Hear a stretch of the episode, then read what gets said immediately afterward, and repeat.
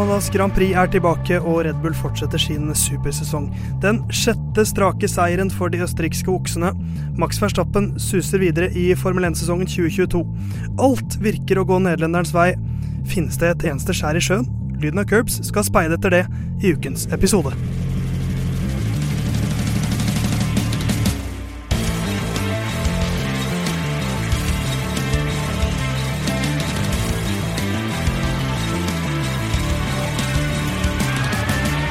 Sommerstemning og Formel 1-stemning her i Lyden av Curbs på Radio Nova. Eh, ditt favorittprogram og podkast om Formel 1.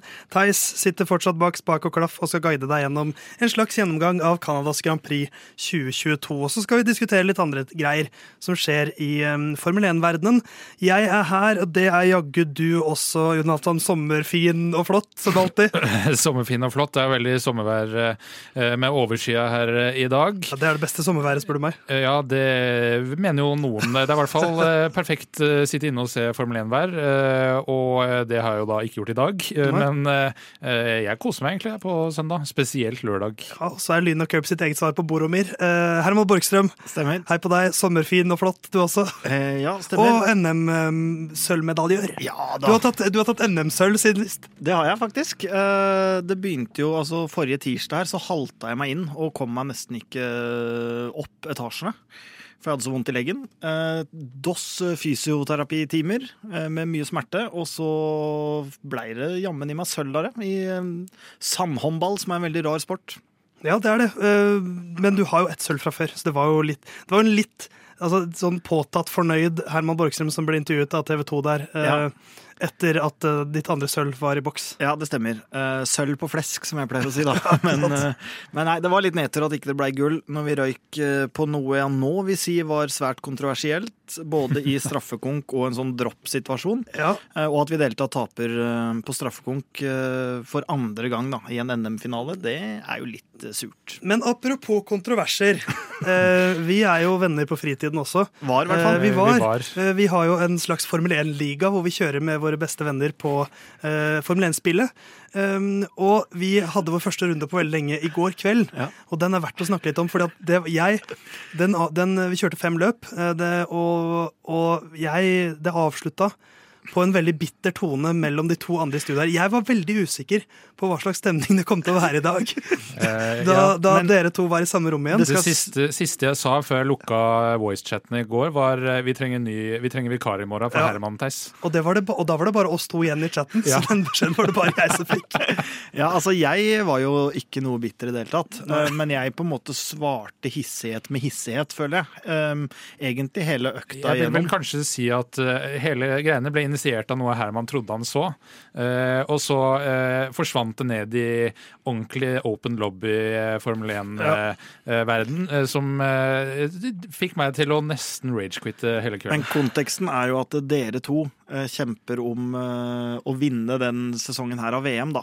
Og det, er jo, ja, og det er jo derfor det er initiert at vi nå skal spille det rett før det nye spillet kommer. Og Fordi siden du er ute av tittelkampen, så er du fullstendig uinteressert i å gjøre den ferdig. Ja, stemmer. Og jeg syns jo det er uverdig uansett hvem som vinner. Eh, og jeg vil ha mest mulig spenning inn. Ja. Og når da Jon Halvdan fikk litt ledelse på Theis og begynte å yppe litt med meg, så spilte jeg av det der Gandalf-klippet jevnlig i går og passa på at Jon Halvdan fikk en litt trøblete kveld, da. Eller kjøre ut. Ja. ja. Det, men dere er, kan vi si at dere er kanskje ikke venner, men dere er fortsatt kolleger, da i hvert fall. Så kan vi si at vennskapet ja, kan reddes. I dag er vi i hvert fall i samme studio. Ja, ja jeg syns han tok det overraskende pent når jeg kom her. Jeg trodde nesten han skulle være surere, faktisk. Men han, han, har jo ikke mista VM-et enda, han leder jo enda. Det skal, kanskje det blir litt annerledes etter i kveld. Det skal avgjøres i kveld. Men, så hvis det bare er eh, oss to i studio neste gang, Theis, så er det fordi jeg har drept Herman siden. Det er kjekt å ha tilståelsen på, på tape. Ja. Men uh, er det noen som lurer på hva jeg har gjort i det siste? Eh, For jeg har også gjort enorme idrettsprestasjoner. Ja, det har du faktisk. Du drev og sykla mange mil. Jeg sykla 217 km på lørdag, jeg. Ja. Uh, fra Lillehammer til Oslo. min første sykkeltur i år. Det går fortere med bil? Det går fortere med bil, men, sitter, men, i bil så blir man sint og arg og irritert. Du kan jo kanskje bli kvalm òg, sånn som I, du holdt på i går. Ja, ja, ja, men i bil har man alltid dårlig tid. mm. Mens vi brukte da åtte og en halv time. Um, fra Lillehammer til Oslo på sykkel. Så, um, Hvordan kom dere hjem igjen? Uh, nei, altså vi kjørte jo bil til Lillehammer. Ok, ja. og var sure og bitre, og så sykla vi tilbake. Blide og fornøyd. Ja. da er det jo nedoverbakke hele veien. Så det er den forrige store idrettsbragden min. Hva er din forrige store idrettsbragd, Jon Hofton? Nei, det, er, eh, det er så lenge siden at eh, det kan jeg ikke huske. Nei, men så Da har vi fått etablert litt at stemninga i studio er trykka. Eh, Men jeg er glad og fornøyd, for jeg er klar for å snakke litt om Formel 1. Og tradisjon tro så skal jeg da koble inn episodetallet til Formel 1-sesongen. Eh, Eller til noe Formel 1-relatert. Dette er vår 17. episode. Eh, Det er samme antall som Charles Leclerc har podiumplasseringer. Ja. Tenk det. Ja. Det er også uh, Du venta en reaksjon, så jeg. Den det er sleit det, jeg start, med. jeg starta med den dårligste, da. Det er også uh, alderen til Max Verstappen da han kjørte Australias Grand Prix i 2015. Oh. eh, Som tidenes yngste. Men det som er enda mer fun fact, Jon Halvdan, er at hans far Joss Verstappen han fikk 17 poeng i sin Formel 1-karriere. Det er ganske dårlig. Ja, han, var, han var ikke så, altså, det mest minneverdige fra Joss Verstappens eh, karriere er at han ble satt fyr på da de var ferdig med å fjorde Ja. bilen hans. Men så var det jo det også en annen æra da man ikke fikk like mange poeng. Men han hadde ikke fått veldig mange flere poeng enn de 17 han fikk. Men så debuterte jo sønnen hans som 17-åring i Formel 1-sirkuset, og nå har han fått flere poeng enn 17 på ett løp i Canada. Eh, Enn det faren fikk til i hele sin Formel 1-karriere. Eh, Skal vi prate, ta og prate litt om Canadas Grand Prix, eller? Og så prøver vi å være venner gjennom eh, neste drøye timen. Vi kan prøve. Skal gjøre mitt beste. Ja, jeg skal prøve å holde gemyttene rolige.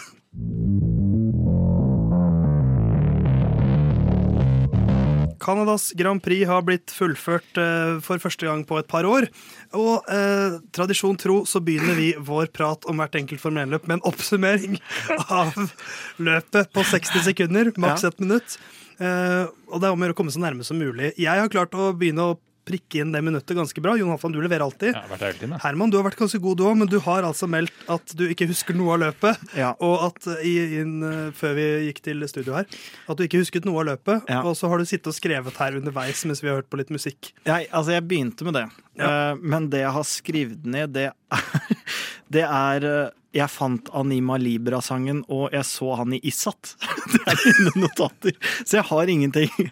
Jeg orka jeg orka ikke bruke hjernekapasitet på det Nei, her. ok. Så jeg har gått for en variant som eh, jeg håper loser meg inn på rundt et minutt, og okay. som mest sannsynlig ikke gir lytteren noen verdens ting. Nei, men vi tar det med likevel. Ja, det er jo da istedenfor at jeg har skrevet ned og oppsummerer eh, Skal vi få en slags slampoesi-variant av det her nå, hvor du bare improviserer? Ja, for Oppgaven er oppsummering av løpet på 60 sekunder, men du har valgt å skrive ned noe. Nei, jeg har, ikke, jeg har ikke skrevet ned noen ting. Jeg har ikke, nå har jeg ikke skrevet ned noen ting, og istedenfor å gjøre det, og faktisk summere opp, så skal jeg eh, gå inn på den nydelige YouTube-kanalen til Formel 1. Skal du beskrive Som har veldig bra høydepunktpakker.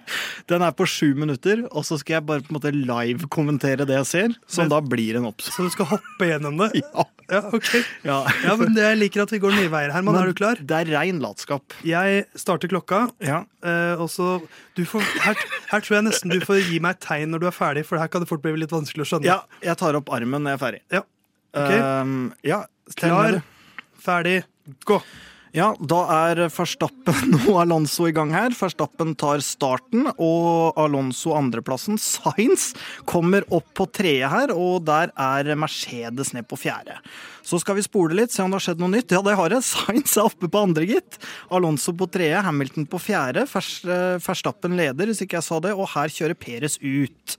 Safety car, masse folk eh, bytter dekk. Verstappen og Hamilton blant annet, eh, ikke Alonso. Vi spoler litt til. Sainz leder. Eh, Det er jo litt overraskende. Verstappen pitter. Hamilton og Russell bak der. Eh, Vi går litt videre. Sainz leder enda, men eh, det ser jo ut som at det blir noe safety Nei, ikke noe safety car, det blir noe pittegreier her. Skal vi se, vi spoler litt til. Der har Yuki Sonoda kjørt rett ut av pitten.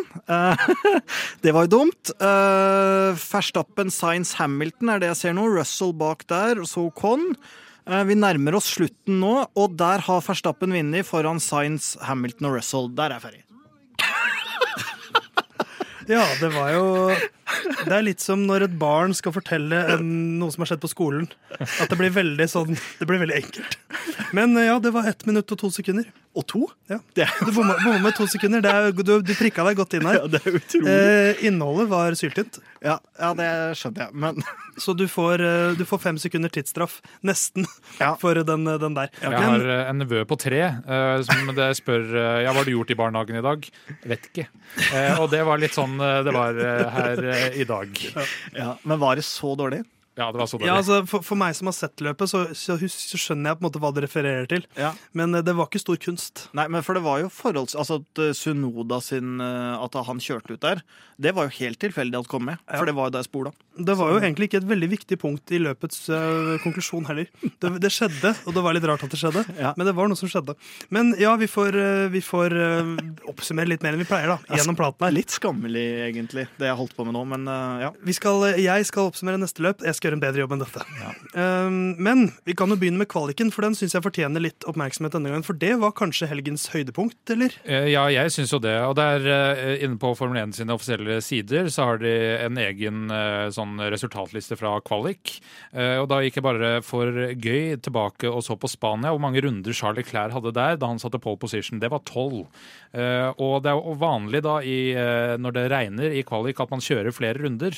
Eh, Så Max Verstappen han hadde 30 runder, og det meste var 31 runder. Så det er mye mer action når det er kvalik i regn, og sjansen for at noen kjører ut Nå var det jo bare én som gjorde det i kvaliken her, Peres, som ikke er Og ikke kalle han eh, Det ville vært å ta hardt i å kalle han regnkonge. Eh, Men han hadde en eh, egentlig ganske surrete feil og på en outlap. Bremsa altfor seint, rett i veggen. Men det ene, altså Verstappen var imponerende. Det, noen kjørte raskere enn han, han kjørte ett sekund raskere enn det igjen. Men den store helten må vel kunne sies å være Fernando Alonso. El Plan eh, gikk varmt på Twitter, den emneknaggen, etter, eh, etter at kvaliken var over. For Alonso han kvalifiserer jo da nest best. Og det var ikke sånn at han bare prikka inn en perfekt runde i Q3. Nei, han Han var lynrask gjennom Q1, Q2 og Q3.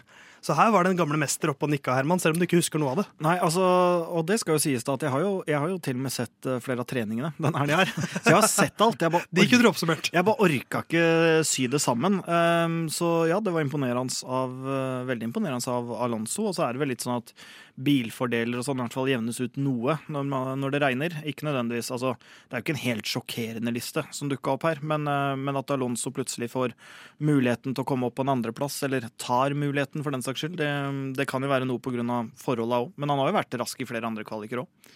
Ja, Det var jo litt sånn skuffende med Fettel eh, og Stroll, eller spesielt Fettel, da, eh, som er den eneste gode sjåføren i det laget. For de hadde rota det til litt med dekktrykk, eh, så han var ute av Q3, eh, altså Q1. altså Han kom seg ikke videre fra første runde.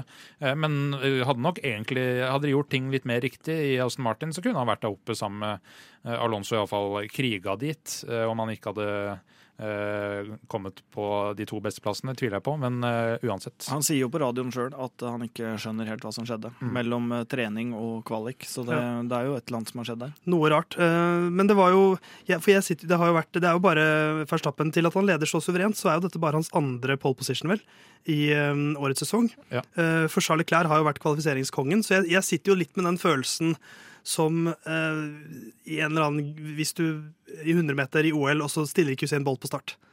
Og så er det sånn, Du er fortsatt raskest, men men det var fordi han mangla. Så Ja. jeg, jeg er jo litt sånn, jeg satt igjen etter, fordi at eh, Ferrari byttet jo motor, eh, og da valgte de å ikke pushe så veldig i kvaliken, fordi at det er jo meningsløst når de starter sist. Så, men jeg sitter og sånn Tenk så gøy kvalik dette kunne vært hvis vi hadde hatt Leclerc her også. Så han og Verstappen kjører 30 runder og pusher, for da hadde du ikke hatt den, tror jeg, hvor Verstappen bare er ett sekund raskere. fordi at det var gøy med Alonso videre, men jeg satt aldri og tvilte så veldig på hvem som kom til å ta pole. Nei, er og så jeg er sånn, ah, tenk hvis Leclerc hadde vært med òg. Ja, Det spørs nok om Sainz han rota det bort i siste sving, for han ville mye. Han lå eh, greit an eh, på eh, Altså i hvert fall på skuddhold da, til å ta pole position, eh, men han eh, ville veldig mye ut av eh, siste sving og mista mye tid der, så da mista han også plassen til Alonso. Så det hadde nok blitt tight mellom Verstappen og Leclerc. Nå holder jeg nok Verstappen litt som favoritt på vått underlag, men likevel så tror jeg den fighten hadde vært mer til døra enn den var denne gangen. Så er det jo også eh, Tenn et lys for uh, George Russell, som uh, valgte en eh, strategisk manøver ved å gå over på uh, slickdekk, som det ble vel sagt også av kommentatoren, det var Martin Brundle, som er Sky-kommentator, som sa det at her er det om å gjøre å bare komme seg forbi sving 1 og 2, og så ta inn resten av tida resten. Og han valgte å kjøre eh, mer enn fort nok eh, gjennom sving 1 og endte opp eh, parkert på samme sted som eh, eh, Sunoda parkerte i løpet. Men det er jo et kult forsøk, da. Altså både Ja, hvorfor ikke? Nei, så de har, de har jo ikke så mye å tape. Altså, selvfølgelig, det, poeng er poeng og alt der, men eh, hvis han plutselig hadde klinka til å tatt pole der da, og kunne prøvd å forsvare seg der og gjort lure strategiske valg under løpet, så er jo det muligheten hans til å vinne sånn det er akkurat nå. Ja, jeg, jeg støtter eh, helt uh, forsøket, og at det ikke fungerte. Altså, uh, når man har resultatlista til slutt, så kosta det jo ikke noe poeng. Så hvis vi, hvis vi, fortsetter å prate litt om kvaliken før vi tar tak i, i selve løpet, om ikke så altfor lenge, men vi må si litt om Has. Deres beste kvalik som lag noensinne, ja. eh, samlet sett, med en P5 og P6 etter kvalik. Eh, og så skal vi selvfølgelig komme tilbake til eh, det triste, triste som skjedde i løpet. Men det, jo, det betyr jo noe, det òg. Ja, altså de har en bil som uh, gir uh, Altså som førerne stoler på nok til at de kan gi på uh, også når det er regn. Så det, det, er jo en fordel. Nå er jo regn som kjent the great equalizer. Altså at, så Mick Schumacher er sjette raskest i Formel 1-sirkuset? sannsynligvis ikke. Eller jeg tror vi kan si kategorisk nei på det. for det var jo blant annet Leclerc som jo ga seg etter Q1 og Sunoda Fettel. Ja, så uansett eh, det, eh, det, De gikk bra denne gangen. Eh, de klarte nok en gang å ikke følge opp det i løpet. Men det er vel å ta foregripe begivenheten litt. Ja, vi skal komme tilbake til, til hvordan det gikk med løpet om noen få sekunder.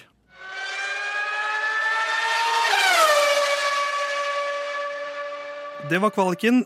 Og så kom løpet på søndag. Og, eh, og, så satt alle og ventet at åh, dette blir gøy. Fernando Alonso skal gå all in. Ja, Han hadde meldt I... at uh, 'jeg tar ingen fanger inn i sving igjen'. Nei. Uh, det gikk det, fort over. Ja, men Det kan han gjerne melde, men så fikk jo uh, Max Verstappen en fantastisk start. Og derfra og ut så følte jeg at han hadde kontroll selv om Det blei jo en durabelig fight mot slutten med, med Carlos Sainz, så, så jeg fikk en litt sånn Monaco-vibe av det hele. at her må Sainz bare prøve og prøve, og så må Verstappen gjøre en feil. fordi han har ikke fart på strekkene her til å ta den igjen. Ja, Hvis vi skal eh, starte med slutten, så er jo Jeg syns vi skal det. Ja, så er jo eh, Verstappen Altså, det er jo uh, Han ligger jo hva er det, åtte sekunder bak når safety car kommer ut, etter at Sunoda kjører ut rett etter pit. Og da Det så litt sånn ut som at det kanskje ikke kom til å holde ut løpet, men så kommer safety car og Science pitter, så han ender opp bak Verstappen. Og da var det, det var spenning løpet ut, og det krevde en feilfri Verstappen for å vinne det, men det var han også. Han ja. uh, hadde nok å gå på i alle andre plasser enn rettstrekket, og så var han veldig god ut av Hornhold-svingen, og Science var ikke like god. Uh, og det gjorde at DRS ikke ble effektfullt nok for Science til å komme seg forbi. For å fortsette på slutten så syns jeg det var veldig rart at ikke Ferrari satte Science på medium. Det jeg, sa Science etter løpet ja, jeg er klar over at det, er, altså at det kunne vært noe risky, men i den posisjonen Ferrari er i nå, da. Um, så Vi har jo snakka om tidligere at de har nesten sett ut sånn at de har leda konstruktørmesterskapet med god margin og vært veldig sånn konservative på en del ting. Men nå ligger de jo bak. De, jo, de, burde jo prøve å vinne det løpet her, og de har muligheten til det. Få Science ganske kjapt forbi uh, Verstappen på medium, altså potensielt sett, da. Og så heller forsvare seg med litt dårligere dekk ut på slutten av løpet. De så, de så, mer skarpe ut strategisk, og så er det det Jeg tror de trodde at det kom til å være kortere safety car enn det det var, sånn at de kom til å trenge de harde dekka, men da det ble eh, Det ble en ganske lang periode, var det fem-seks runder? Og så setter de vel klær på medium i samme ja. tidsrom, så de Men han måtte jo bytte uh, fra harde dekk. Han ja. hadde vel ikke pitta til da? Nei, og det var jo For å ta Ferrari først, eh, fullføre Ferrari-praten med Leclerc, som jo starta blant de bakerste grunnet uh, delbytter, um, og sleit jo veldig lenge bak et DRS-tog på de harde dekkene. Så ut til at dette skulle bli et sånn ah, det, det, gikk ikke så bra, dette, men så løser det seg jo greit mot slutten og, og, kommer seg opp på en P5 til slutt. Ja, De var vel to poeng under det de hadde sett for seg som eh, liksom minstemulighet. De valgte å uh, ha mindre bakvinger på uh, Ferrarien for at han skulle være rask på rettstrekkene, men uh, det det gjorde, var at han brukte mer bakdekk enn det han trengte. Så han hadde ganske dårlig grep ut av hårnålsvingen, som gjorde at Eh, han ikke fikk utnytta det, i hvert fall ikke i eh, det DRS-toget. Eh, så det ble jo greit, men det kunne jo alltids blitt litt bedre. Men to poeng fra litt til Ja. betyr ikke nødvendigvis så mye. Men det ryker eh, nok et stort poengtap opp til Verstappen. Og eh, jeg sa i introen er det noen skjær i sjøen her. Og Herman, det er jo en, perfekt helg for Verstappen. Han vinner løpet. Perez, som er nummer to i, VM, eh, får null poeng, for han kom ikke i mål. Det var noe girtrøbbel der. Charlie Clair, eh, Russell, Carlos Sainz, som er bak han, er jo da nummer fem. Så det er jo en perfekt helg. Er det noen som kan gjøre noe med, Sainz, eh, nei, med Verstappen her nå? Nei, det, Eller har han avgjort før vi er halvveis? Ja, jeg, jeg tror nok han har eh, avgjort. Eh, jeg er mer spent på hva de lydene jeg Ja, det er noen lyder i studio her. i, i studio her som jeg, Altså, er det en, har vi en sabotør fra innsida her et sted? Det er ikke meg. Nå er det sånn det er å kjøre Formel 1-bil, når det er, sånn, det er noen rare lyder her. Ja. det, er det? Ja, det er girkassetrøbbel her. Ja. Eh, Ja, nei, det er lett å bli ørlite grann eh, satt ut av det. her. Vi får bare prøve, å sitte, får vi være profesjonelle. Vi får bare prøve å Eh, sitte helt i ro, alle sammen. Og så uh, er jeg enig. Uh, men jeg tror Verstappen har uh, Jeg tror han har det her i sin hule hånd. Ja. Vi skal ikke heller stikke under en stol at han var veldig god i, uh, i fjorårssesongen. Må ha dratt enorm nytte av den eh, rutina han fikk med seg fra det. Eh, kjempe mot eh, en gammel mester som Hamilton, så nei, jeg kan ikke se for meg hvordan de skal rote vekk det. Er det liksom noe med det at eh, eh, nå er Red Bull et lag med fighterfaring uh, og har jo vunnet en sesong. Red Bull, nei, Ferrari har vært ute av det en stund. Uh, og eh, det er jo selvfølgelig litt sånn floskel å si det, da, men det har noe betydning, virker det som. For Ferrari blir litt sånn nervøs og velger heller det litt safe, iallfall tidligere, strategiske valga. Eh, men nå leder han jo med ja, 49 poeng, og det er jo eh, ikke ubetydelig, men det er jo en girkasse som ryker for han, eller et eller annet, så er det liksom mer eh, kamp om det. Men nå tror jeg han Jeg tror Red Bull vil være favoritt i løp, flere løp ut sesongen Ja, enn det Ferrari. Nå har de seks på rad her, og det er første gang siden Fettel hadde den ni på rad-rekka Ja, i 2013. ja. eh, At de har vunnet så mange løp på rad. Eh, Verstappen har jo da tatt fem av dem, og så Perez som vant det i Monaco. Så jeg det er, jo, det er jo litt kjipt å drepe, drepe spenninga, men jeg, jeg frykter for spenninga i årets Formel 1-sesong. Altså, Ja. Dette, dette blir ikke som i fjor. Og så er det jo For da, da var det jo greit, Verstappen var den beste i fjor, men da var det mye mer Da var det en dragkamp mellom Mm. to lag. Uh, mens nå er det en dragkamp mellom null lag eh, og én fører Og så må jo, må jo Red Bull ha, ha lært litt av fjorårssesongen nå. Så uten at man skal diskutere enkelthendelser og ta verken side eller, eller gå inn på det, så var det jo en del ting Red Bull og Verstappen kunne gjort i fjor som var mer fornuftig og sikra tittelen mye tidligere, da. Eh, Så skal man ikke nødvendigvis si at eh, det var riktig eller feil, men det kunne de gjort. Og det kan det godt hende de vil gjøre i en, eh, i en sesong som den her også. Ja, Men det er jo ikke gitt at spenninga her er helt ute. fordi hvis Mercedes, og det tviler jeg egentlig litt på, da, men at de kommer opp, så kan det bli en fight om andreplassen her, hvis Ferrari ikke klarer å melde seg på mer enn det det allerede er. Men fjerdeplassen, der kommer det uansett til å bli kamp om i konstruktørmesterskapet mellom eh, McLaren, Alpin og Alfa Romeo. Og så syns jeg jo for spenninga at det er veldig synd at ikke det er Ferrari øh, og f.eks. Leclerc da, øh, som har den luka ned til Red Bull, og da f.eks. Verstappen. Fordi jeg hadde hatt mer tro på at Red Bull ville finne den farta og stabiliteten Ja. og, og, og finne den her øh, formen da, som gjør Ja. at de ville plukka mye poeng på f.eks. Ferrari. Nå er det på en Det måte er det de har gjort da, Ja. til nå. ja da, men at det, liksom, at det, var, at det hadde vart lenger, da, kan Ja. du si. Um, At Ferrari jeg- ikke hadde vært en, et lite blaff i Mm. starten, men, eh, men et som, ikke, som virker å være litt motsatt eh, formkurve nå, det er jo Mercedes. Uh, Louis Hamilton med sitt første, med sitt første podium siden Bahrain. Uh, god helg igjen for Louis, første gang på en god stund. Russell God kommer seg opp på en, på en fjerdeplass. Um, men det var veldig altså de, Praten med begge de førerne etter målgang var jo også at eh, det gikk mye bedre. De hadde regna med at de skulle kjempe altså bak de, de trodde at både Leclerc og Perez skulle ta dem igjen eh, og distansere dem ganske enkelt. Men på, på race pace så holder de jo ganske bra følge, så eh, Det er jo sånn sett litt synd at Peres gikk ut av det såpass tidlig, fordi han kunne bidra til litt mer spenning i den hva skal jeg si, litt døllere midtseksjonen av det løpet her. Eh, Sannsynligvis. Eh, og nå så Ferrari så jo visuelt bedre ut. Eh, tidsmessig så er ikke differansen noe bedre enn den har vært eh, tidligere, altså bedre enn i Baku, eh, men det var eh, et litt spesielt eh, løp. Eller Baky, om du vil. Eh, og, eh, eh, så det har fortsatt eh, ja. Fortsatt tredje raskest, ja, men, men, men, jeg tror det var veldig oppløftende helg for dem samlet sett. Det gjør det, og det skal Hamilton absolutt ha, og syns han fortjener. At etter at han har kjørt litt sånn eksperimentelt setup versus Russell, så har han nå et mer likt setup og parkerer Russell.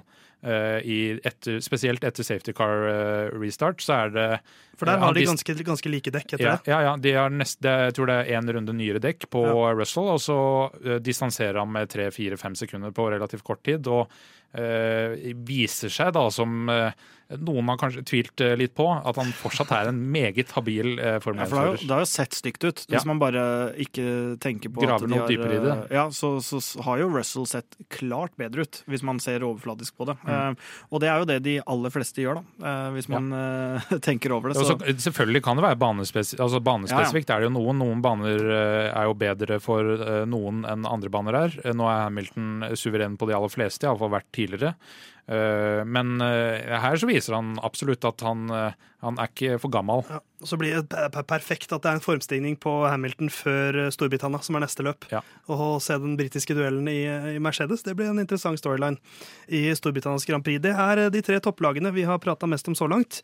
La oss kikke litt nedover på resultatlistene nå.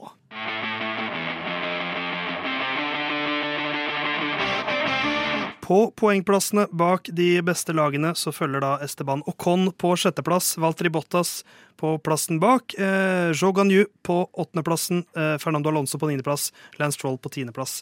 La oss begynne med Alfa Romeo og alpin.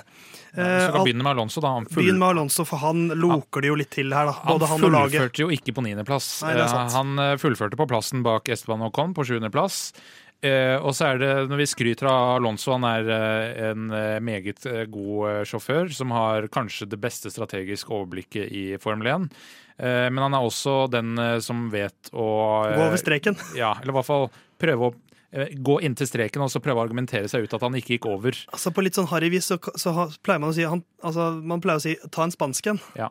eh, og det passer jo, det er jo det han ofte prøver på. Ja, og Måten han eh, veiva fram og tilbake ned langstrekket for å holde Bottas bak seg eh, på vei inn eh, på siste runda, det eh, var vel fortjent fem sekunder tidsstraff. Men tror dere han gjør det fordi han, prøver, altså han, han prøver seg, og så håper han å slippe unna med det? Eller klarer han ikke å dy seg? Og han bare sånn, han tenker ikke konsekvens? Jeg, jeg tror han prøver å slippe snakke seg ut av det etterpå. Ja, jeg tror ikke det. Jeg tror han ikke klarer å dy seg. Nei, At det er sånn ja. det bare våkner noe ja, jeg, jeg dyrisk? Tror litt det. Og kan i så fall kjenne meg litt igjen i det. jeg hadde jo hadde en kamp forrige helg, fotballkamp, hvor det kom eh, en ball imot meg. Det var 90 minutter spilt. Vi måtte trygge inn den seieren. Du sparka den ut i bane? Ja, jeg sparka den ballen så langt jeg klarte av gårde og fikk gult kort. Og visste jo om det. Prøvde ikke å argumentere meg vekk fra det, men klarte ikke dy meg. Nei, ikke sant. Men uh, nye poeng da til Esteban Ocon, som fortsetter å plukke. Han ligger jo da på en niendeplass i førermesterskapet. Mm. Alonso på plassen bak har jo da uh, 19 poeng mindre, eller noe i denne duren. Nei, 21 poeng mindre, faktisk. Så, så ja, ganske... hva, hva, er sammendraget som det er nå? Ja, Det er uh, Max Verstappen øverst med 175 poeng. Uh, Peres 129 poeng uh, bak han. Charles Leclerc 126 på tredjeplass. George Russell 111. Femteplass Carlos Sainz 102, så han begynner å nærme seg med ni poeng bak. Louis Hamilton 77 poeng på sjetteplass. Landon Norris syvendeplass. 50 poeng. Åttendeplass Walter Bottas med 46 poeng.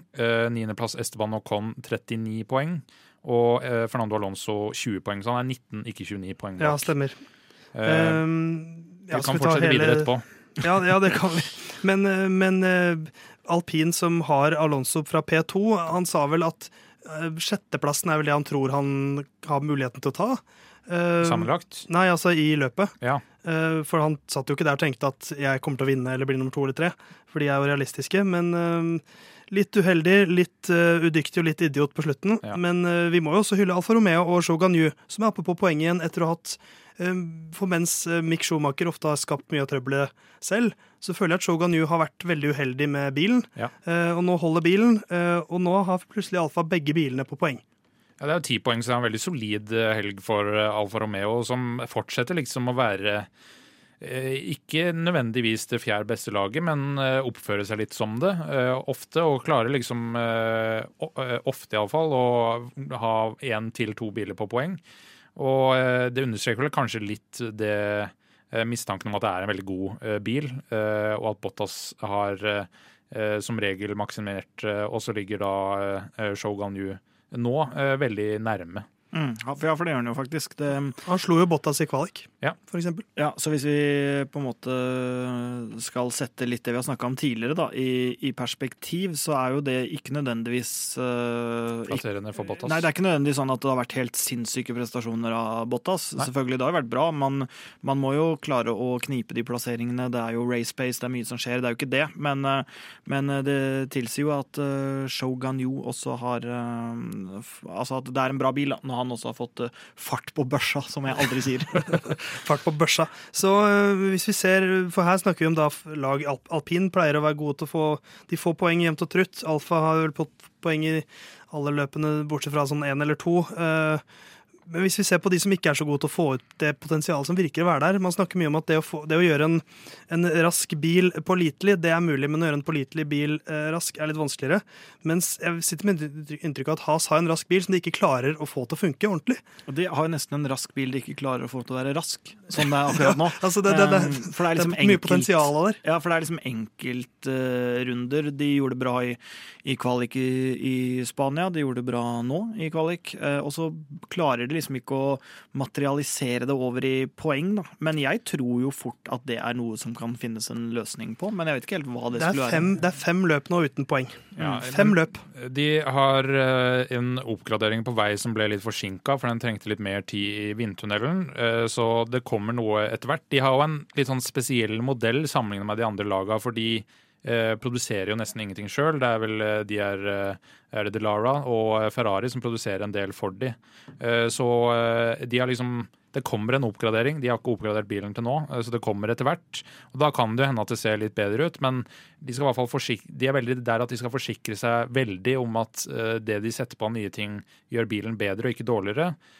Og så selv om Gunther Steiner, som er team principal eh, i eh, Has, ikke vil snakke så mye om det til Schumacher at du koster oss penger, eh, så koster, Så koster han dem mye penger. Ja. Og de har ikke flust, det er ikke fett med penger i gangene der nødvendigvis. Nei, altså det er jo et lag som er i mye bedre finansiell stand enn det det var da de eh, solgte sjela si til eh, eh, Rich Energy Ja, og, og Ural Kali. ja, William Story i Rich Energy. Og, Har vært to eh, uheldige historier der, altså. ja, Men to Uralkali. veldig underholdende, da. Altså, Ja, det har det. Ikke, William Story er underholdende. Ja. Det er ikke uh, Maspin-familien. Nei da, det er jeg enig i at ikke det er underholdende, men det har jo skapt litt uh, talking points da i Formel 1. Eh, Så er det ikke noe som er positivt med krigen, akkurat. Men, uh, men det har jo skjedd litt rundt det. Det er en annen podkast som heter Shift F1. De brukte et år på å prøve å få tak i Rich Energy energidrikk, eh, og de fikk ikke tak i noen. Nei, bare for å få drikke, liksom. Ja, for å teste det.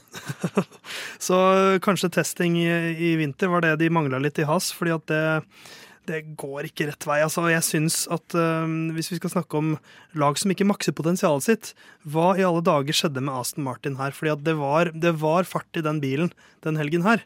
Jeg, jeg, jeg, jeg skjønner ikke helt hva de eh, driver på med, egentlig, spesielt med Fettel der. Fordi de har sånn eh, Det er inn og ut av pit hele tiden.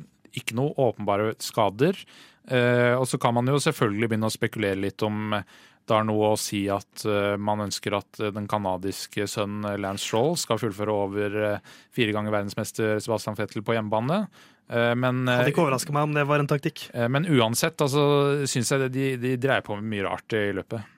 Så Aston Martin med mye rart. Uh, McLaren får poeng, da. Så Han det, får poeng. Et poeng, et lite poeng der. Uh, Men uh, McLaren også, en av de negative historiene denne helgen. Deres dårligste løp siden Miami. Det er ikke en bane som passer de så bra. Nei, men jeg blir ikke helt klok på McLaren og Aston Martin er litt samme Jeg, jeg blir ikke klok på de to lagene. På helt Nei. hvor gode de egentlig Nei, er. og Aston Martin var jo, når jeg var eh, nede i Spania eh, Ikke for å skryte, men var jo på løp eh, Intervjua jo Stroll og Ja da. ja da, fikk Nå glemte jo jeg å spørre om alle de oppgraderingene de hadde da, når jeg prata med, med Stroll, men Good luck this weekend, Stroll. Ja, vi var jo gjennom en del annet, som dere hører. Men, men da var det jo nesten sånn at når jeg kikka på Twitter, så, så var det liksom rapportert at nå ingen av, bi- ingen av de andre konkurrentene har meldt inn eh, Aston Martin fordi de ligner så mye på Red Bull, og det er ikke blitt klaga på. Vi får vente og se hva som skjer og sånn. Eh, det ser jo ikke ut som det er noe som, eh, som de trenger å klage inn med det aller første, i hvert fall. Ja, men jeg tror det er, det er mer pace i den bilen, så det er litt sånn forstå den skikkelig og sette den opp ordentlig, ha riktig dekktrykk. Og sånn som for Stroll sin del, da, så har han nå begynt å forstå bilen litt mer enn det han gjorde i, i Spania, som også er noe av grunnen til Altså Selv om han ikke er verdens beste sjåfør, så er han ikke verdens dårligste heller, så han klarer liksom å uh, forbedre seg uh, uh, underveis. Eh, Så jeg, jeg tror at det blir liksom bedre Kanskje når vi kommer til Silverstone eh, om to uker, at det kan se litt bedre ut da. Men eh, det er avhengig av at de får litt mer en greie på hva de driver på med. Det er min favorittsang 'Bedre og bedre dag for dag' fra den gamle trimmen. Hvis du Ja. husker den. Ja, og du, da drar du en strofe derfra, Bedre Herman. og bedre dag for dag. Yes, eh, Du hører på Lyden av Curbs. Vi skal gå gjennom tippinga vår, vi.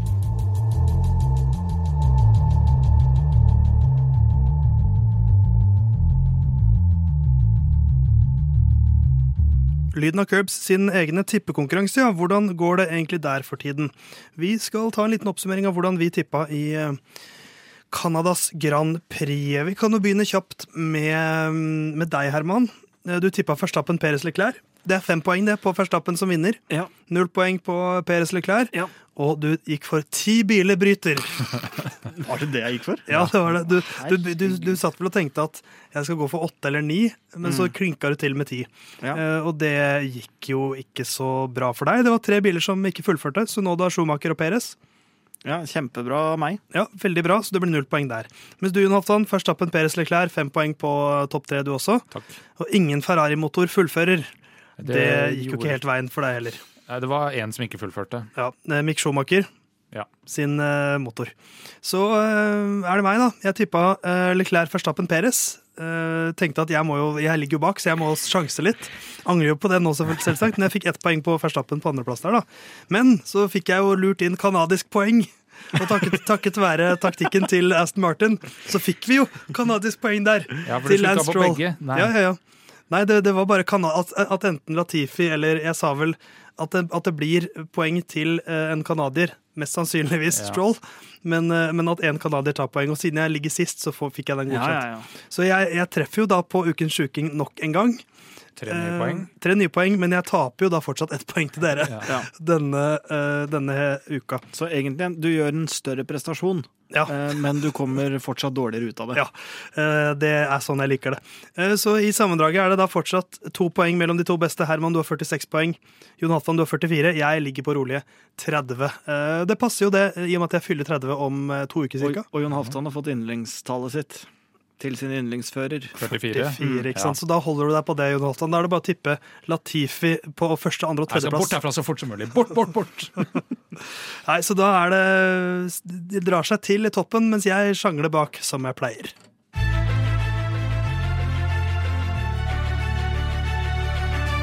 DRS-tog, Drag Reduction System-tog, det er et konsept, et ord og et begrep vi slenger om oss stadig. Herman, hva er det for noe?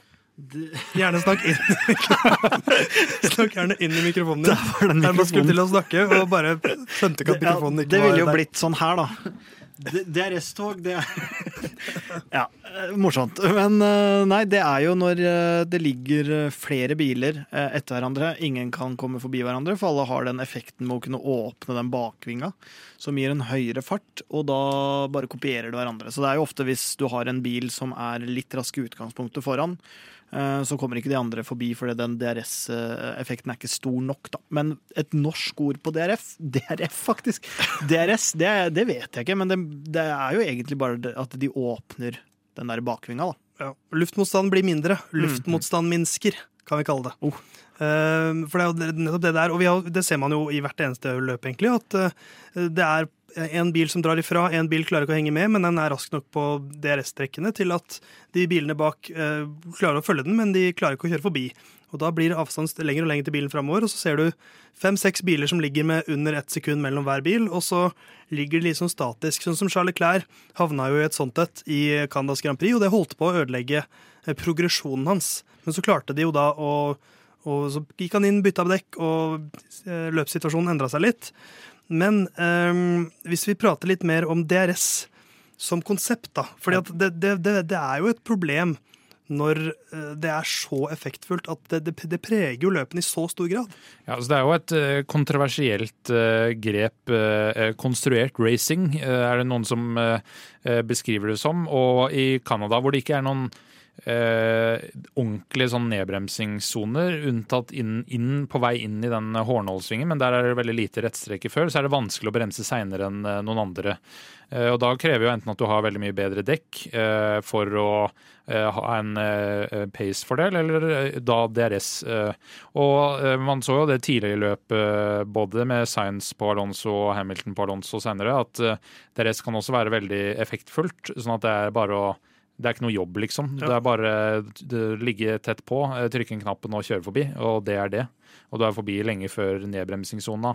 Så ideelt sett så skal det strekket være akkurat så langt at du er side om side på veien i en sving, og så er det den modigste som vinner. Det, det føler jeg man nesten aldri finner, for man, man, havner alltid på enten en av de to sidene. Enten så er det resten for effektfull, eller så funker den egentlig ikke. Ja.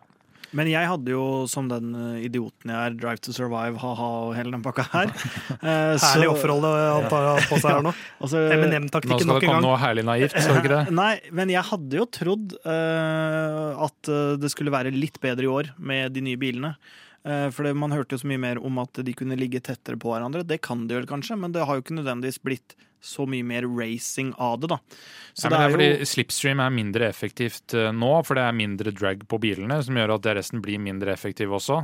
Uh, så, sånn som i et DRS-tog, så er det med mindre du klarer å ligge så tett at du kan ligge side om side på vei inn, så er det så DRS-en kan være noe mindre effektiv. Man så det også i Baku, at det var noen biler hvor det ikke hadde liksom så stor effekt, mens for andre så Eh, hørte man det jo på turtallet på bilen eh, når DRS-vinga gikk opp. Men jeg ser jo for meg at det var ønskelig for um, altså skal jeg si, den revolusjonen her da, med regelendringer og nye biler, at man skulle få enklere forbikjøringer, eller flere forbikjøringer. Altså at DRS er jo på en måte ett problem her, eh, og som man kanskje kan finne en løsning på. Men det er jo noe med det at man gjerne skulle sett flere forbikjøringer generelt. da. Én ting er de DRS-toga, DRS men også de heftige duellene mer sånn én mot én. Ja, så vidt eh, jeg vet, eh, uten at jeg har noe sånn statistikk på det, så har det vært mer, ganske mye mer forbikjøring i den runda, altså denne sesongen her.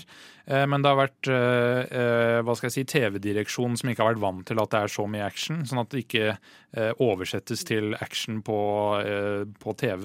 Ja, Det burde vi jo finne fram tall på til, til, neste gang. For jeg, jeg, sitter jo ikke igjen, og det er jo egentlig like viktig som hva faktiske tallene sier, da, at jeg sitter jo ikke igjen med en følelse at, at det har vært en enorm forskjell, i hvert fall. Um, og det hadde jeg jo inderlig håpa at det skulle være. Ja, men det, det er jo DRS er jo på en måte det er jo en, forsøkt, forsøkt, en forsøkt løsning på et problem, da, som mm. er at det er umulig å passere. Eh, og da er kanskje det, er, er det egentlig problemet at bilene er så sabla store. Det er eh, ja, absolutt et ja, Jeg tror det er et ganske vesentlig problem nå med Hvis du ser på Formel E, eh, der bilene er mye smalere og mye mm. mindre. Mye mer sånn dynamisk forbikjøringer. At forbikjøringen kan skje på flere måter, mens nå er bilene så ja. enorme, at, og, og, og banene har jo ikke blitt noe større. Ja, det er, det er, en, eh, og Man kan jo bare google det altså bare med 2012, da, biler sammenligna med bilene i fjor. Eh, og Bilene i år er jo enda større og høyere og tyngre, og det, det har jo nesten ikke vært tyngre. Eh, så det er jo en stor diskusjon som også går der ute. Men det som Fia og Formel 1 også er opptatt av, er sikkerhet. Og det er der mye av vekta og størrelsen kommer inn, er nettopp å beskytte førerne. fordi nå har det ikke vært dødsfall uh, etter ulykker i Formel 1 siden Jules Bianchi, som krasja i 2014 og døde i 2015. Det er liksom siste, siste fatale ulykke i Formel 1. Og man ønsker jo ikke at det skal være noen flere. Så det er liksom Det er det man også spiller opp mot. da. Så Eh, men jeg vet at hovedmålet her til Formel 1 er at DRS skal bort eh, etter eh, forhåpentligvis etter 2026. Og så er det jo, som du sier, da, det er jo et, de skal jo legge seg i et skjæringspunkt med underholdning, som er på en måte forbikjøringer. Og så Uh, sikkerhet, da, selvfølgelig. Mm. Uh, og så skal det jo gjerne være de raskeste bilene òg, som svinger til høyre og venstre, som de ja. sier ofte på, på, på Viaplay. Uh, mine, min foretrukne strømmetjeneste for, for Formel 1. Så vi er ikke sponsa. Nei, det er absolutt ikke. Uh, men uh, det hadde vi jo tatt imot alt mulig. vi tar imot alt mulig. Gi meg en T-skjorte eller noe, så skal jeg sitte og skryte. Men uh, nei, de, de, skal jo også ha de raskeste bilene, den sykeste utviklinga og sånne ting. Så det er jo å finne et sted i skjæringspunktet der, da. For de kunne jo sikkert slanka bilene både i bredde og vekt og alle veier. Men da ville det kanskje ikke vært raskest lenger. Og det ja, ja, altså man kunne sagt ingen frie tøyler, maksimumbudsjett, lag den raskeste bilen, punktum. Eh, men da hadde det blitt livsfarlig. Ja, det, ja. Det hadde, det hadde, jo jeg likt litt, da. Ja. Ikke nødvendigvis det at det er livsfarlig. Altså, ja, men det, det, det, er den, det, er jo den, diskusjonen man har i all idrett. Sånn, det er jo de, de, rå folka som egentlig ikke følger med på idrett, de sier sånn Hvorfor kan ikke bare alle dope seg så mye de vil, da? Ja. for, for, for, det er jo den samme at Jo, du kan godt si det, men det er jo jag, det er ikke sunt. Det er livsfarlig å holde på sånn. Ja. Um, så det, skal jo være rettferdig og relativt trygt, da. Ja, og så er det jo klart at som Formel 1-fører så aksepterer du jo en viss risiko av å sette deg inn i bilen. Så det er jo ikke det at det skal være Det skal jo være litt uh, altså, skummelt, men man er jo vant til Man vil ikke tilbake til sesonger hvor det døde en hver sesong. Nei, Nei. absolutt ikke. Men, uh, så det ble, det ble, jo en litt sånn svevende diskusjon, det her. Men, men, det handler jo om at hvordan få flere forbikjøringer. Og DRS er løsningen man har nå, men det er jo kanskje løsningen Det er jo ikke DRS som er problemet.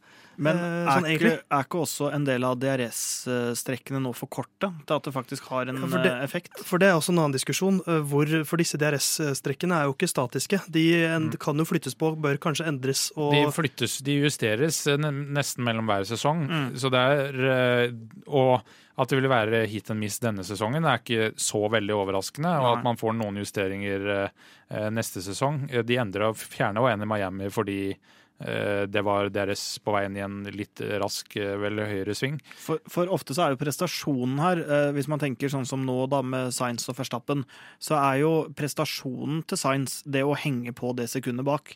Og ikke liksom komme utafor mm. det sekundet. Så hadde jo egentlig vært litt fett hvis det, hvis det var sånn at ideen, hver gang han klarte å være innafor sekundet på resten av banen, så hadde han en helt sånn Altså, en dobbelteffekt da, av det mm. han fikk her nå. sånn at det ville vært ekstremt truende for Verstappen, som måtte forsvare seg inn i, inn i svingen hver eneste gang. sånn at Hvis den, den DRS-effekten nå da hadde vært det dobbelte, eller nesten at den var fjerna, så tror jeg liksom ja. nå, akkurat nå så er det ja, litt sånn verken eller for, I hvert fall for min del som uh, naiv publikummer, da.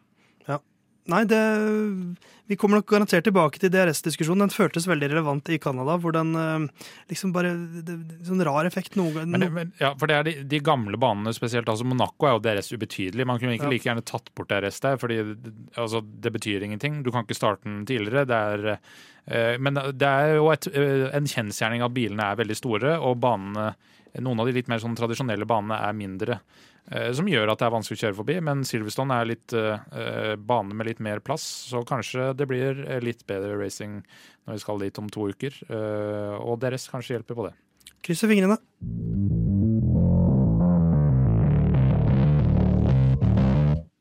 Og eh, Jon Halvdan, du varslet at du har lyst til å prate om eh, noe som du kalte TD39, eh, Technical Dire... Directive. Directive 39. Jeg sa det minnet meg om Order 66 i Star Wars. De med litt samme vibes. Ja, Noen av laga følger nok det litt som Order 66 òg. Altså, eh, etter Baku så var det jo veldig mye prat om eh, hopping opp og ned og, eh, av bilene. Altså, det er jo to kilder til hopping. Det ene er porpoising, altså det er aerodynamiske årsaker til at bilen hopper opp og ned. Og det andre er at uh, ground effect-biler, som vi har nå, krever at bilen er så stabil og rett til underflaten, altså underlaget, som mulig. Og Det gjør at man har veldig stive dempere. Og For noen biler så oversettes det til ekstrem hopping opp og ned, som da spesielt Mercedes sleit med. Og de har nok ønska en, en litt uh, anna regel enn det som kom fra Fia nå. Det som er vanlig, er at uh, um, når man skal gjøre endringer midt i sesongen, så må det være åtte av ti lag som stemmer for det. Uh, men Fia kan sette ut regler som de vil, så lenge det er begrunna i sikkerhet. Og Det er da det TD39 er, og det er da todelt på kort sikt. Det ene er at man skal undersøke gulvet på bilen for å se liksom hvor mye slitasje er det på det i løpet av et løp. Og det andre er at man skal måle en maksverdi av hopping opp og ned eller bounce per minute, om du vil det. Eh, akkurat, en slags frekvens? Så det, det, handler ikke om antall G-krefter eller noe sånt? Det er frekvens, rett og slett? Eh, ja, og så er det jo styrke på altså, Detaljene er ikke klare, men det skal være klart før Silverstone, så vi kan kanskje Vi kommer nok mer litt inn på det også neste uke, men liksom når det er mer klart hvordan det blir. Så det var kanskje ikke helt det Mercedes så for seg, for de ønska nok en minimum bakkeklaring på alle biler, for det ville ramma eh, Det ville også gitt et konkurransefortrinn for Mercedes. Men nå er det opp til laga å være innafor eh, reglementet som settes. Eh, og så etter det, så eh, hvis man ikke er innafor, så må man heve bilen. Og i verste fall kan man bli diskvalifisert fra å delta i løp eller kvalifisering. Så det er liksom eh, litt hardere kår enn det det har vært tidligere. Og det man jo er redd for, at det skal gi nerveskader, permanente hjerneskader på førerne. Altså de skal også ha et liv etter Formel 1. Ja, for nå snakka vi om, om sikkerhet ja. nå nettopp i DRS-praten vår. Og det, det har jo Det var ikke alle her i studio som trodde helt på at Louis Hamilton hadde veldig vondt i ryggen. Jeg trodde på det.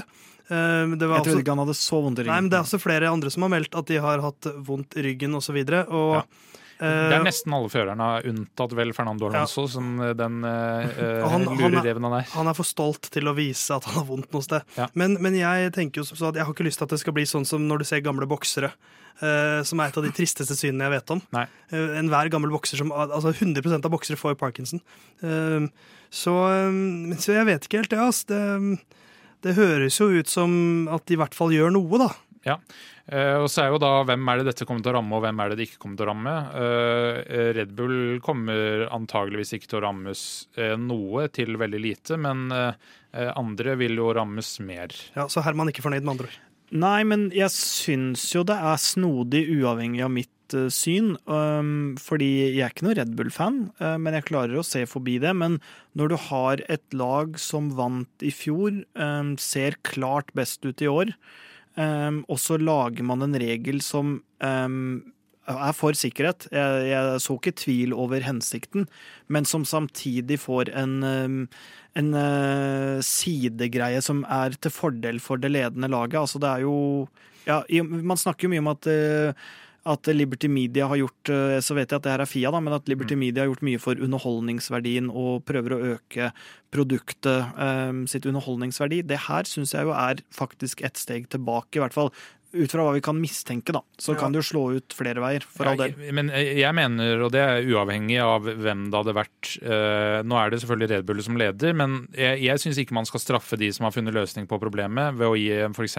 minimum uh, bakkeklaring, uh, sammenligna med her tar man tak i de som faktisk har et problem. Dere må gjøre endringer.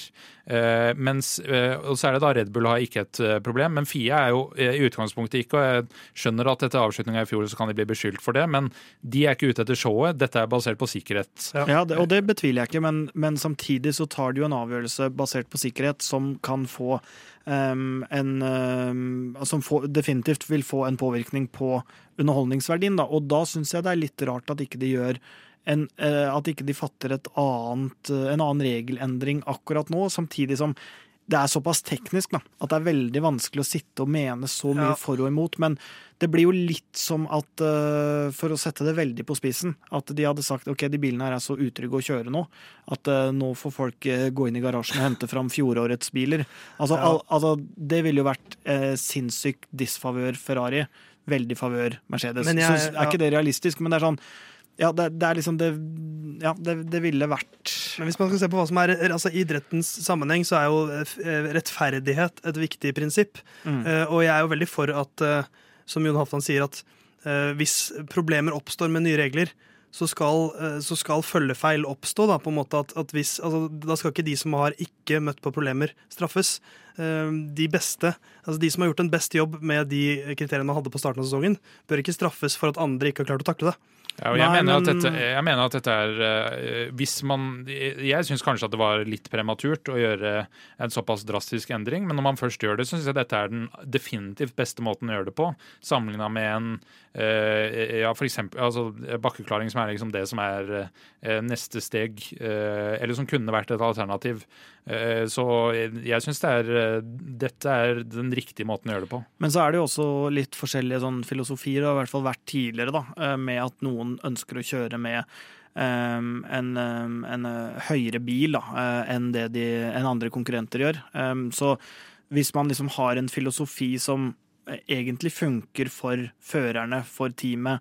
Ja, det er litt hopping. Altså ikke Mercedes sin porposing som eh, nesten eh, tilsynelatende tok livet av Hamilton sin rygg, men, men altså at det er eh, hopp, kontrollert hopping. da. Ferrari har jo sett litt sånn ut til tider. Ja. Altså at det er sinnssykt rask, leverer tier, men ja, det hopper og spretter. Og ikke Så er- overraskende så er de ikke så veldig fan av det eh, TD39. De Nei. ser på det litt som Mercedes som prøver å være nærmere de, enn faktisk eh, oppriktig tall bekymring. Ja, men for, for, da blir det litt sånn igjen at de har jo eh, når man snakker om rettferdighet, da, så har jo de løst problemet. Eh, De har lagd en rask bil, eh, men de har gjort det etter en litt annen strategi enn Red Bull.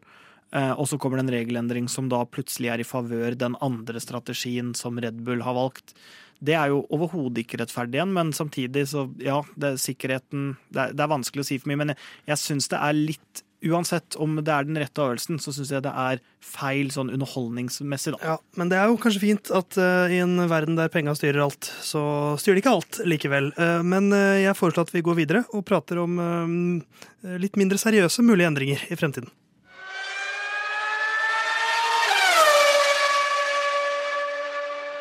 Det var litt sånn seriøse regelendringer der, da. Men uh, jeg fant en, en tråd på Reddit med litt mindre, sånn, mindre seriøst tema, uh, som vi kan ta helt til slutten av dagens Lyden av Curbs-episode, tenkte jeg. Er det Klaus som har sendt inn samtlige? For han var jo veldig god på Instagram en periode Ja. og bombarderte oss. Og så har han, uh, han har tatt en slags ferie fra det. Han bombarderte oss, så jeg oppfordrer deg der hjemme til å sende inn ting til oss på Instagram. Og års.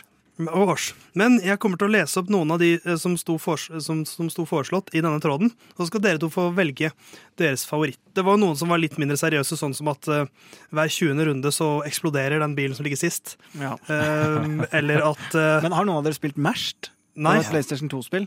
Det var helt nydelig. Man hadde raketter på bilen og kunne ja, skyte For, ut for den hverandre. der, og- den, sånn, sånt kunne man jo også men, kjørt på med. men det må jeg bare si kjapt. Hele poenget var at hvis du, hvis du detter ut av skjermen Skjermen følger alltid Ja. lederbilen. Detter du ut av skjermen, så får du ikke kjøre mer. Da er du ute. Det Så er var det siste bilen som fullførte. basically samme, samme konsept der. Eh, Et annet sånn userighetsforslag, eh, alle er useriøse, men noen mer enn andre, er at eh, gatebanene beholder trafikklys.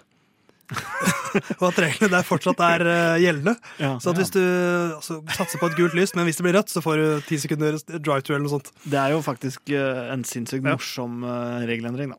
Ja, eh, men så, men så er det noen som jeg liker litt mer å se for meg hvordan det hadde vært, For den her, da. Som er at eh, hver gang du pitter, så er det et slags lykkehjul som bokstavelig talt avgjør av- avgjør hvilke hjul du får. Ja, på vei Så- inn så ruller det. Så hver eneste gang du pitter, så er det lykkehjul du får på dekka på, på hjulene dine. Hvor du ikke aner hva du får. Kanskje må du over på soft, kanskje medium, kanskje wets. Ja, Bare at sannsynligheten er mindre for dem. Men at det blir som en slags rulett. Ja, men hva da, med, hva da med at det samme Jeg er enig med, Mjon Jon Halvdan her, som sitter og sier wets, wets, wets. Eh, Det, Nei, ja, spørsmålstegn etter ja, det. det må, du ha, det må du ha bort. Men jeg Ja. ville da kjørt at uh, seeren får opp på grafikken hvilke dekk det er, men at ikke teamet vet. Ja. Da begynner jeg å snakke.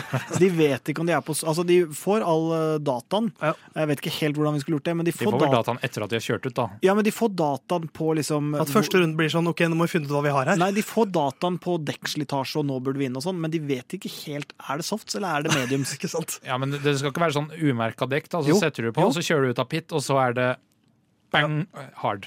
Og Ja. så vet ja, men, Altså, seerne og Jon, eh, Jon, må, laget er jo det samme. Du kan ikke si 'bang hard'. Du kan ikke si Bang det. soft. Men det, Nei, men Det er det jeg ønsker. Jeg ønsker men at vi som seere vi ja, vet hele tida men hvilke dekk Formel de har. 1-laga ser jo De også vet ikke. TV-sendinga. Nei, na, ja. Sånn at det må være Ingen kan vite det før det er kjørt ut av Men det her pit. går på VR-briller. Nei, men det, det, må, det må være litt sånn altså, dekorama. At uh, Ja, dekkene er yes. skjult. Og så skal man prøve å gjette Ja, gjennom ulike hint hva slags Ja, uh, en- en Et bonuspoeng til de som gjetter riktig dekk i løpet av Ja, Hvis det var alle flest alle riktige. Stinsa, Ja. En annen her som jeg likte veldig godt, uh, som jeg egentlig, den syns jeg bare man kan innføre med en gang. Eh, Ingen starter med frontvinge. Første runde handler bare om å komme seg til pit. Man monterer på frontvinge, og så kjører man. Så det, da blir det sånn, altså da blir det bokstavelig talt drive to survive første runde. Og så, altså, og så komme seg inn til pit. Tenk hvor viktig egenskap det blir da. At man kan si sånn ah, Latifi han er kanskje ikke så god med vinge, men se han uten vinge. Det er han best av alle. ja, Den er ikke så dum, den. Eller om alle begynte med at de satte på vinge for, eksempel, for å få viktigheten av teamet opp. da. Sånn at alle, altså, Ja. de, Når lysa slokkes, på med vinger, på med dekk, og så førstemann som bare kan kanskje. kjøre. Man Altså- kan jo, eh, Hvis man skroter all sikkerhet, så kan man jo gå tilbake til eh, tradisjon, tradisjonsrik Le Mans-start. eh, Ja, Hvor det er å eh, Løpe. løpe til bilen. Ja, alle eh, starter hoppe utenfor. oppi og fyre opp. Latifi rå på å feste setebeltene. Ja. Eh, Men ikke på kjøret. Men, og, og, og en, en annen kunne vært at man har tvunget vingebytte i løpet av løpet. At man har forskjellige vinger som man kan bytte på. Litt Eh, sånn som de syklistene som plutselig går over på en klatresykkel. Og ja, ja, på tempo. Det er Ja. ikke dumt, det. Nei. Eh, Det forslaget jeg fant som jeg egentlig likte best, var at det er en slags sånn uh, Altså at uh, kvalifiseringen den setter ikke startgridet, men den setter uh, altså valgposisjon. Så den som tar pole position, eller den som har beste kvalitetid, får velge startspor. Og da vil jo de fleste velge pole position, selvfølgelig, men det er ikke gitt noen baner. er jo sånn, er det en stor fordel å starte på én side, så kanskje nest raskeste mann ville valgt P3, da. Ja, det det er en fordel. jo, før så var det jo med de gamle dekkreglene så var det jo sånn at hvis du kvalifiserte niende, da, så ville jeg starta ellevte. For da hadde du fritt valg av dekk. Ja. Eh, Ja, da- pole position, men det er det jo ikke lenger. Eh, så eh, det spørs om det hadde snudd så veldig mye opp på det, tror jeg. Ja, ja, men hvis vi, vi oppsummerer mindre det er liksom veldig grepforskjell da, på venstre Ja. og høyre side av banen. Kanskje man skal innføre litt sånn at man heller noe olje utover et tilfeldig men, men av disse, da. Hvis vi tar altså, tilfeldige dekk, eller eh, starte uten vinge. Mm. Hvilken av de to likte vi? Hvis vi sier at det handler om de to? Nei, altså For meg eh, handler det ikke om to engang, den her eh, med tilfeldige dekk. Tilfeldige dekk. Ja, Dekkrulett, eh, det er synes er nydelig. ja. Og, og liksom, og Verstappen leder, har, kontrollerer løpet. Der Pang. går han inn. Å ja, han skal over på hard, ja. så det er noe helt nydelig. Nei, så da er vårt offisielle forslag til FIA innfør uh, dekkrulett i Formel 1. Så kan vi, hvis vi dropper DRS, så har vi dekkrulett isteden. ja. Ja. Da får du underhold- underholdningsaspektet, i hvert fall. Eh, men vi er ferdige for i dag. Eh, har du noen siste bevingede ord, Herman? Uh, Eller bedekkede ord, kan vi kanskje si i dag. Det bevingede passer bra, for jeg fløy godt i den beach-finalen som sikra sølvet, så jeg vil Ja. bare nevne det igjen, at det, det blei sølv i helga, ja. Ja. Vi skal hjem nå Jonathan, og duellere om en virtuell VM-tittel i vårt uh, Formel 1-VM på Formel 1-spillet. Ja, jeg, jeg kommer til å spille en rolle der òg, for å si det sånn. og det kan man jo, man kan jo følge veien til uh, gull eh, på twitch.tv slash John Halvorsen. Der uh, så kan man følge Shithousery på Borgstrom med to Eller- ord. Sjekk også ut twitch.tv slash Carl Smyger. Ja, den er ikke dum, den mest nøytrale. Og så takker vi for følget. Følg oss gjerne på Instagram. Lyden av Curbs heter vi der. Send oss ting du mener om Formel 1. Og så er vi tilbake ganske straks. Vi. Da skal vi se fram mot eh, ditt favorittløp, kanskje, Herman. Et av dem, kanskje. Uh, Silverstone. Uh, mitt favorittløp er Spania. Ja, det stemmer det. Jeg har vært der. Du får vente til neste år. skjønner du. Takk for følget. Vi snakkes igjen neste uke.